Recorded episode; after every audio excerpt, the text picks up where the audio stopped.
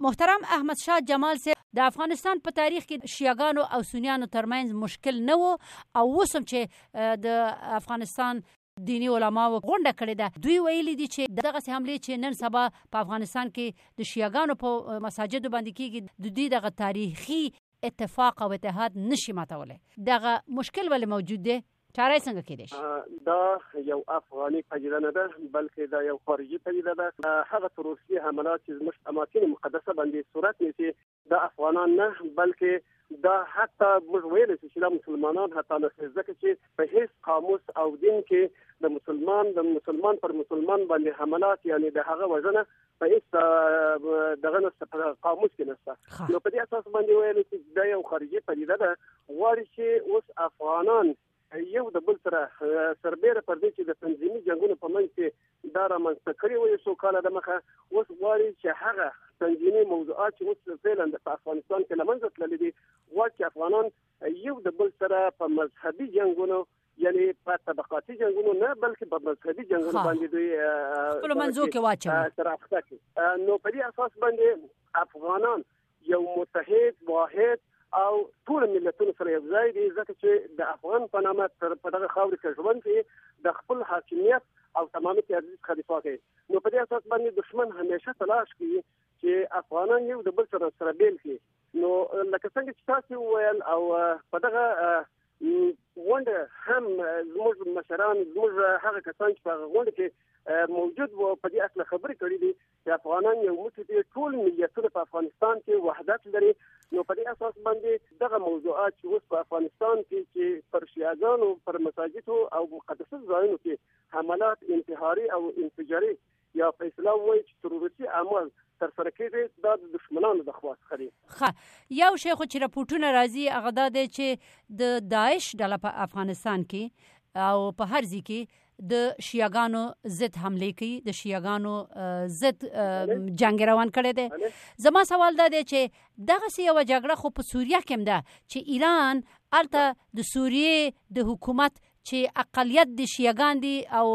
حکومت لري د هغوی په طرفدارۍ هلته جنګیږي سنیانو سره جنګیږي همداسې په عراق کې چې ورته وګورئ همداسې په لبنان کې مثلا د حزب الله د ډلې طرفداري کوي حزب الله ډله ده آیا په افغانستان کې هم دا همداسې ریښه لري که نه لري په خپل زموږ په مقدسه اسماعیلو باندې صورت نیولې دي دا داعش پر غاړه اخیستې دي دا د خارج څخه پر موږ باندې تپل شوی دي ټول مسلمانان اصلا هدف دا دي چې مسلمانان یو د بل سره بیلوي نو دا افغاني پدیده نه مخکې ما درته ویل چې دا د خارج څخه راغلي دي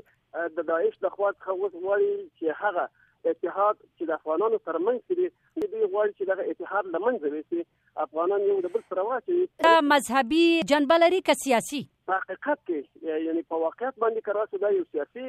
جنبه لري چې د خارج څخه پر موږ باندې تپل شوی دی ولې مذهبي جنبه هم لري مذهبي جنبه په دې لري چې هغه افراد او اشخاص چې د علم او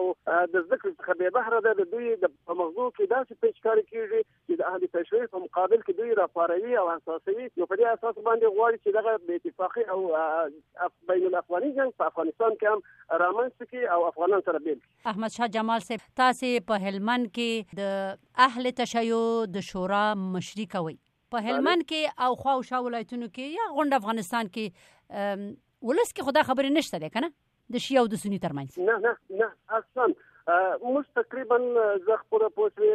د هلمند ولایت اوسیدونکو هم د هلمند تابعیت لرم زموږ د ولایت درې سوي دي موږ په کلو کلو باندې دلته د پښتنو سره یو ځای یو د افغانانو سره د اهل سنت د ورونو سره پوسوي مشترک ژوند لرو یعنی زموږ ټول هغه مشترکه وجهات چې موږ لرو په خوشي او غم د دې سره پوسوي سره یو ځای یو په هر غونډه په هر مجلس کې په هر واده کې په هر ختم کې په هر مراسم کې یو سره یو ځای یو اصلا په هلمند کې تر اوسه داسې یو پیښه نه دي شوې چې د پښتون او هزاره او یا پښتون یا تشیع ترمنځ یا د اهل سنت او تشیع ترمنځ داسې یو موضوع را پیدا شي چې هغه خدای نه خواسته پوس په بې اتفاقي او جنگ باندې راوړي حتی موږ کولای شو چې هغه حادثات او هغه مسایل چې په موږ پیدا کیږي د جرګې لارې حتی د حکومت لارې نه د جرګې لارې چې د پښتون او دود او عنعنه ده خپل مشکلات سره لوي ښه زما سوال د دې د پاره وو چې په افغانستان کې ډیر کلونه کیږي چې جنگ روان دی ډیر سیستمونه بدل شوی دي کلچر کې تبدیلی او تغییر راغلی دی نو ما سوال دې د پاره وکړ چې آیا اوسم امغه سه اتحاد او اتفاق موجود دی لکه په خوا چې وو لکه تاریخ کې چې وو کنه زما سوال دا وو صحیح تاسو دا تایید کړئ چې اوس مشکل نشته bale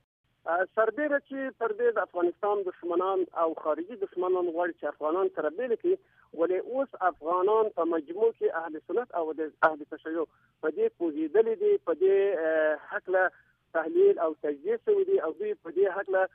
تحقیقات کوي چې دا د دشمنانو هغه توطئه ده چې غواړي چې افغانان سره واچي نو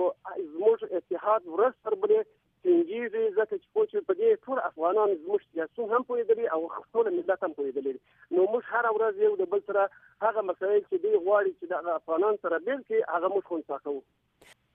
تاسو مخکې ویلې چې داعش خپل اعتراف کړی دی چې دا حمله د شیعاګانو په مساجدو او اماکنو باندې دوی کړې دي او موږ تم راپورټونه راغلي دي دا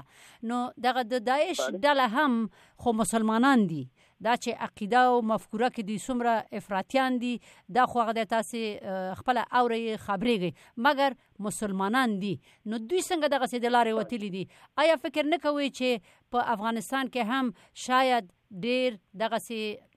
سنیان وي چې د لارې ووځي او هیڅ دې ته متوجه نشي چې دغه مسله صحیح نه ده دغه اختلاف د سنیانو او شیعګانو ترمنځ د دغه سه یو اختلاف د مخنیوي لپاره ستاسو د علماو وظیفه څه ده چې دغه اتحاد او اتفاق نورم تقویه شي په افغانستان کې لکه څنګه چې ما مخکې ویل چې هغه ارشادات چې زموږ د سر لارښود او د اسلام د هدایت سره سم اسلام ته او مسلمانان ته کړی دی د علماو نقش په دې دی چې هغه ټول ارشادات باید خلکو ته ورورسي ځکه چې اوس په یوازې په افغانستان کې نه لکه څنګه چې تاسو ول په فلسطین کې په سوریه کې په لبنان کې په عراق کې په ایران کې همدغه مسلمانان دي چې د بل په مقابل کې جنگيږي نو دوی کسان چې د افراطیت لمن کسان دي چې د علم او د فرهنګ څخه بې خبره دي، د اسلام او سنت څخه بې خبره ده. نو په دې اساس باندې د علماو نقش په دې اعتبار باندې ډېر ستر رول لري چې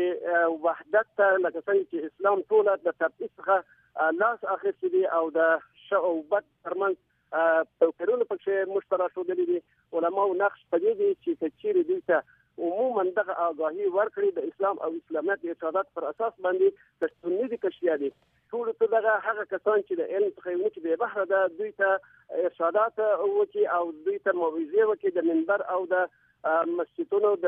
منځونو په ورسته پوهه خطابونه ورته ورکي ان شاء الله دغه لمنځه ځي او افغانانو د وحدت په ارتباط باندې هر ورځ یو موټی کیږي ډیره مننه تاسو نه احمد شاه جمال صاحب د هلمند اهل تشیع د شورا رئیس تشکر خدای پامه